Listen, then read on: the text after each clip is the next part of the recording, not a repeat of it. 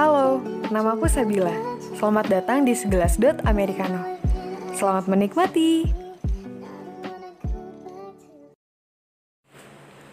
Begini, aku ingin mengatakan sesuatu. Sesuatu yang mungkin akan membuatmu paham tentang aku. Semoga aku bukan orang yang akan mendikte Tuhan dengan mengeja namamu di setiap doaku. Bukan, aku bukan orang yang seperti itu. Aku bukan orang yang terpikat olehmu lantas menginginkanmu lebih dari apa pun. Bukan. Lagi-lagi aku bukan orang yang seperti itu. Aku memikirkanmu, biarkan aku dan pikiranku saja yang seperti itu.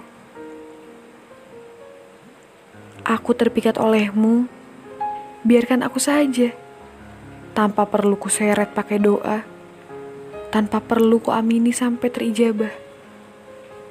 Yang aku tahu, jika kau suka, dan aku suka, lalu ada masa depan yang memang harus kita jalani berdua, kita pasti bertemu kita akan bersama. Sesulit dan sesungkar apa pun nantinya. Jika usahamu bukan menunjukku, bukan berarti aku tak pantas bersamamu. Bagaimana jika Tuhan menakdirkan? Jika usahamu bukan menunjukku, tapi aku tak pantas untukmu. Bagaimana jika Tuhan menjodohkan. Jadi begini,